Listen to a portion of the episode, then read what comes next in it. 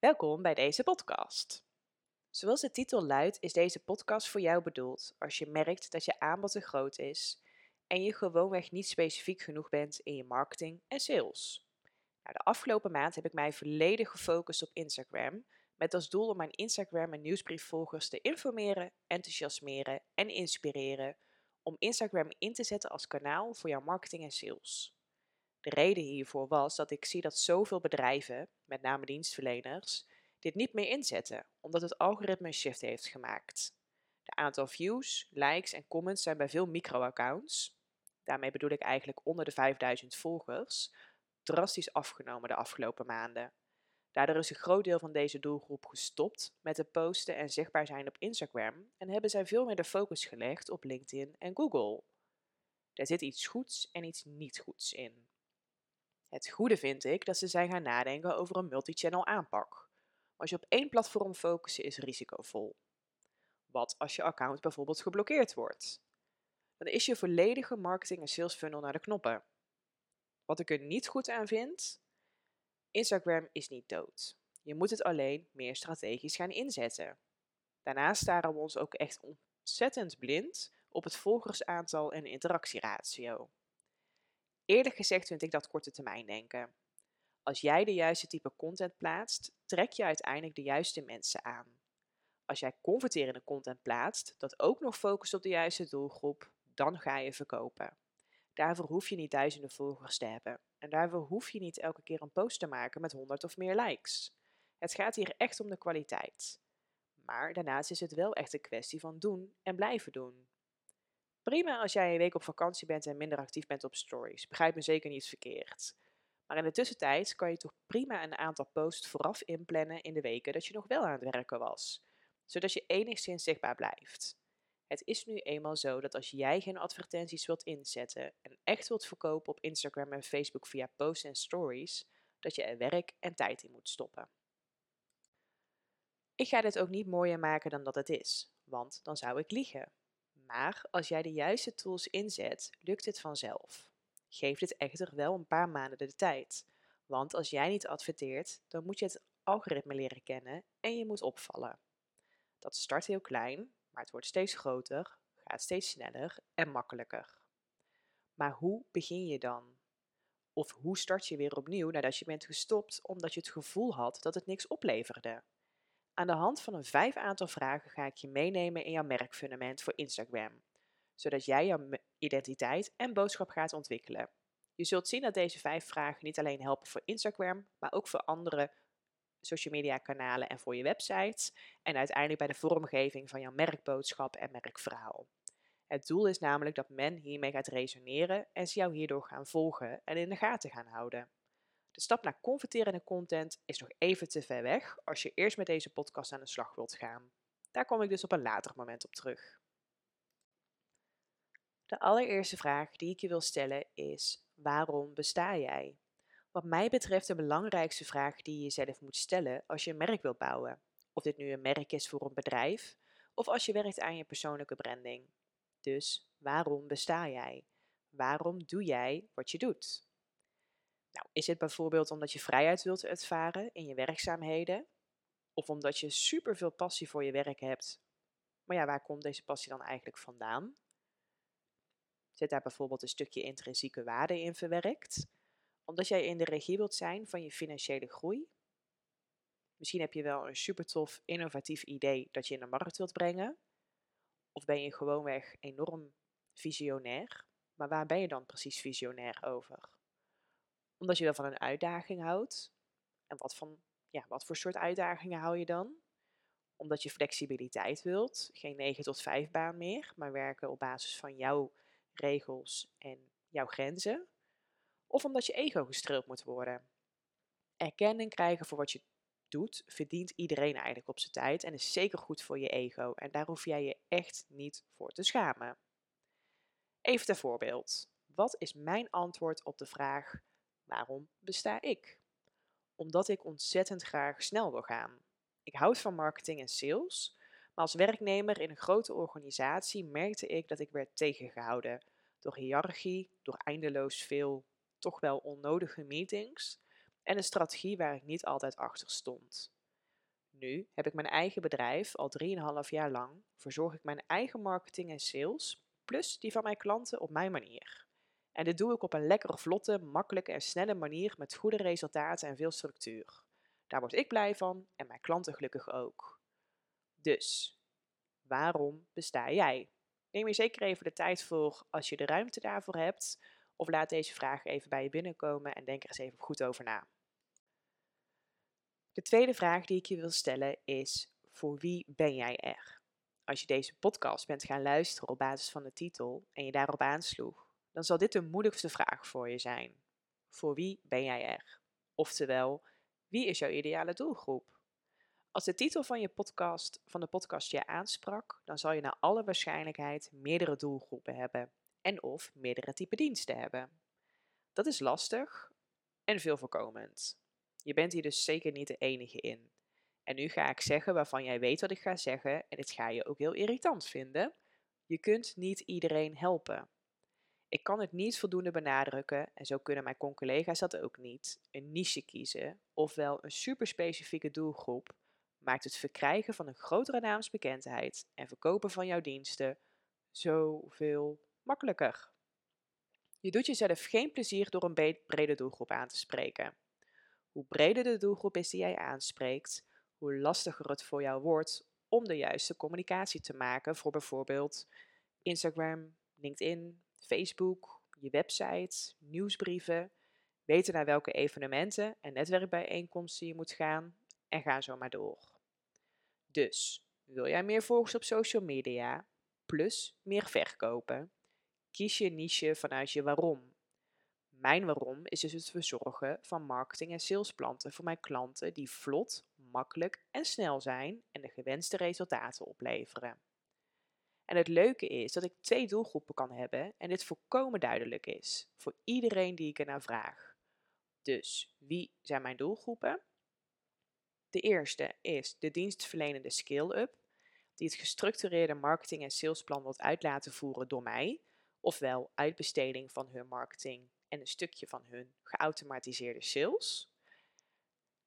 En doelgroep 2 is de kleine dienstverlener met weinig tot geen personeel. Ook hen help ik met een gestructureerd marketing- en salesplan, maar dan op basis van ja, do it yourself of ook wel do it together met mij. Ik leer jou hoe het moet en jij gaat het vervolgens zelf in de praktijk brengen. Dat maakt dat mijn aanbod eigenlijk hetzelfde is, maar ik bij de ene doelgroep mijn tijd verkoop, doordat ik het voor hen doe, en bij de andere doelgroep verkoop ik mijn kennis en kunde, zodat zij het zelf kunnen gaan doen. En dat allemaal in lijn met mijn waarom. Lekker, vlot, snel en makkelijk. Dus voor wie ben jij er? En sluit het volledig aan waarom jij bestaat. Indien nodig, pauzeer dus weer even deze podcast. Pak het antwoord op de vraag: waarom besta jij erbij? En stel jezelf nu de vraag: voor wie ben ik er? Dus waarom besta jij en voor wie besta jij? En dan de derde vraag. Wat vind jij belangrijk? Ik wil namelijk dat jouw doelgroepkeuze en jouw aanbod volledig bepaald worden op basis wat jij belangrijk vindt. Jouw aanbod moet echt intrinsiek vanuit jou komen. Dus waarom doe je wat je doet? Ik zag bijvoorbeeld toen ik nog in loondienst was dat de marketing en sales super moeizaam gingen en ook onnodig moeilijk gemaakt werden. Dat vond ik irritant, dus daar ging ik wat aan doen. En nam ik zelf de regie in handen. Vervolgens ging ik kijken voor wie ik dit wilde doen. Dat zijn voor mij dienstverleners opgericht in Nederland of België die een merk willen bouwen en willen verkopen op basis van expertise. Een echte dienstverlening dus. Nou, wat vond ik vervolgens belangrijk? Dat mijn klanten snel geholpen konden worden, zonder ellenlange wachtrijen. Daarom mag ik ook per 4 september weer een nieuwe werknemer introduceren. Kleine spoiler alert. Dat wat ik voor mijn klanten doe volkomen logisch en duidelijk voor ze is. De vorm van samenwerking en hoe we jouw marketing en salesplan maken is super gestructureerd. Wat ik als derde erg belangrijk vind, is dat ik samenwerk met like-minded klanten. Dat maakt dat ik kies voor klanten die ook een dienst aanbieden. Dat is waar ik enthousiast van word. Dat is waar ik de uitdaging in zie. En tot slot de belangrijkste voor mij: het moet uitdagend zijn. Zolang ik uitdagend werk heb, blijf ik mezelf ontwikkelen, blijf ik beter worden in mijn werk, blijf ik groeien als ondernemer en blijf ik bovendien mijn werk leuk vinden. Dus, het is weer zover. Pauzeer even deze podcast, noteer op een stuk papier de vraag: wat vind jij belangrijk? En schrijf letterlijk alles op wat jij belangrijk vindt. Is je huidige bedrijf of werk hier nog niet op ingericht? Dan moet je snel een van de volgende dingen gaan doen. Je aanbod veranderen of aanscherpen, zodat jij jouw manier van werken zo kunt inrichten, zodat jij weer plezier en voldoening haalt uit je werk. Of je doelgroep veranderen of aanscherpen, zodat je meer gaat werken met de bedrijven of mensen waar jij mee wilt werken. Als je vraag 1, 2 en 3 uitgewerkt hebt, indien in je hoofd, als je naar deze podcast luistert als je in de auto zit, gaan we door naar vraag 4. De ene laatste vraag. Hoe voeg jij waarde toe? En dit onderwerp staat volledig op branding. Zij het personal branding als je een ZZP'er bent, of merkbranding als je een bedrijf bent. Denk bijvoorbeeld eens na over, hey, waar ben je nou echt goed in? Waar zijn je klanten tot dusver tevreden mee? Waar geeft jouw ideale klant om en hoe speel jij hierop in? Wat is uniek aan de manier hoe ik mezelf op mijn diensten aanbied? Wat zijn de pijnen en uitdagingen van mijn doelgroep en speel ik daarop in? Het is dus belangrijk dat jij heel goed gaat begrijpen waarom jij jouw aanbod verkoopt aan je ideale klanten. Als je dit niet helder hebt, is het noodzakelijk dat je dit eerst heel duidelijk voor jezelf opschrijft. Zonder het antwoord op de vraag hoe voeg jij waarde toe, is het niet mogelijk om een authentieke branding te creëren. Ga ook alsjeblieft niet kopiëren van anderen, maar sta stil bij wat jij doet, waar jij goed in bent, hoe jij jouw klant daarbij helpt of daarbij geholpen kan worden. Dit hoeft niet alleen op het niveau van resultaten te zijn van de dienstverlening die je aanbiedt, maar dit kan ook op basis van de emotionele gevolgen zijn. Wat bij deze vraag heel goed helpt is het maken van een mindmap. Plaats in het midden van je vel papier of digitale mindmap de vraag: hoe voeg ik waarde toe? En maak vervolgens zoveel mogelijk, maar toch wel zeker zes wat mij betreft, ballonnetjes toe waarin jij zegt hoe jij of jouw bedrijf waarde toevoegt. En dan door naar vraag 5, de laatste vraag. Nou, dit is een vraag waarvan mijn familie, mochten ze toevallig luisteren, zich waarschijnlijk helemaal suf lacht. Dit is namelijk de vraag: wat is je doel? Ze zeggen relativeren kun je leren en daar geloof ik heilig in, maar ik ben er 100% zeker mee geboren. Als je mij dus goed kent, dan weet je dat als je mij een idee of een verhaal vertelt, ik altijd denk: wat is hier het doel van? Soms wel eens lastig, want dat maakt dat ik wel eens moeite heb met mopjes. Zie ik dus eigenlijk niet altijd het doel van in of de essentie van in. En natuurlijk weet ik dat het doel humor is en heb ik wel zeker een groot gevoel voor humor. Maar bij mopjes denk ik toch altijd een beetje: oké, waarom? Maar in ieder geval, even terug naar het zakelijke. Wat is jouw doel? Het is mijn doel om mijn klanten structuur te geven in hun marketing en sales. Zorgen dat ze snel weten wie hun doelgroep is, wat hun aanbod is en hoe ze dit kunnen verkopen. Om vervolgens een super concreet, praktisch en implementeerbaar plan te maken dat je op korte termijn kunt toepassen. Geen maandenlange strategieën dus en boekwerken van meer dan 70 pagina's die vervolgens toch in de boekenkast verdwijnen, maar een kort en krachtig plan dat jij wel leest en toepast. Dus, wat is mijn doel in het kort? Zorgen dat jij op korte termijn weet wie is je doelgroep, wat is je aanbod en hoe verkoop ik mijn aanbod aan mijn doelgroep. Om dit vervolgens smart te maken heb ik ervan gemaakt, ik wil 50 zakelijke dienstverleners helpen met een gestructureerd marketing- en salesplan in 2023. Zodat zij op een gestructureerde en eenvoudige manier hun aanbod verkopen aan hun ideale klant. Um, SMART staat overigens voor specifiek, meetbaar, acceptabel, realistisch en tijdsgebonden. Je voelt hem aankomen. Nu is het aan jou de taak. Wat is jouw SMART doel? Wat wil je bereiken? Voor wie wil je dit bereiken? En wanneer wil je dit bereikt hebben? Dit zijn de vijf belangrijkste vragen die je als merkfundament voor jezelf moet uitwerken, alvorens je aan de slag kunt gaan met de vraag: hoe ga je het bereiken? Dat is een onderwerp voor een later moment. Ben je al een stap verder of heb je vragen over de invuloefening van deze podcast?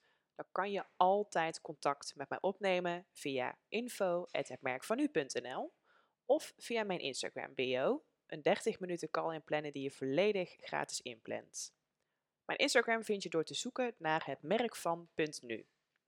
Ik hoop daarnaast dat deze podcast je heeft geholpen en waardevol voor je was. Als dat zo is, zou je mij er enorm mee helpen om deze podcast te voorzien van een beoordeling door het aantal sterren aan te geven dat je mijn podcast waard vindt. Dat kan je niet doen per losse podcast, maar alleen op mijn podcast overzichtspagina. Ik heb onwijs veel tijd gestopt in deze podcast. Ook wel een beetje met name omdat het mijn eerste podcast is, maar ook om het super waardevol voor jou te maken. Dus zou je mij enorm helpen door mijn podcast te voorzien van een beoordeling. Dankjewel en tot de volgende!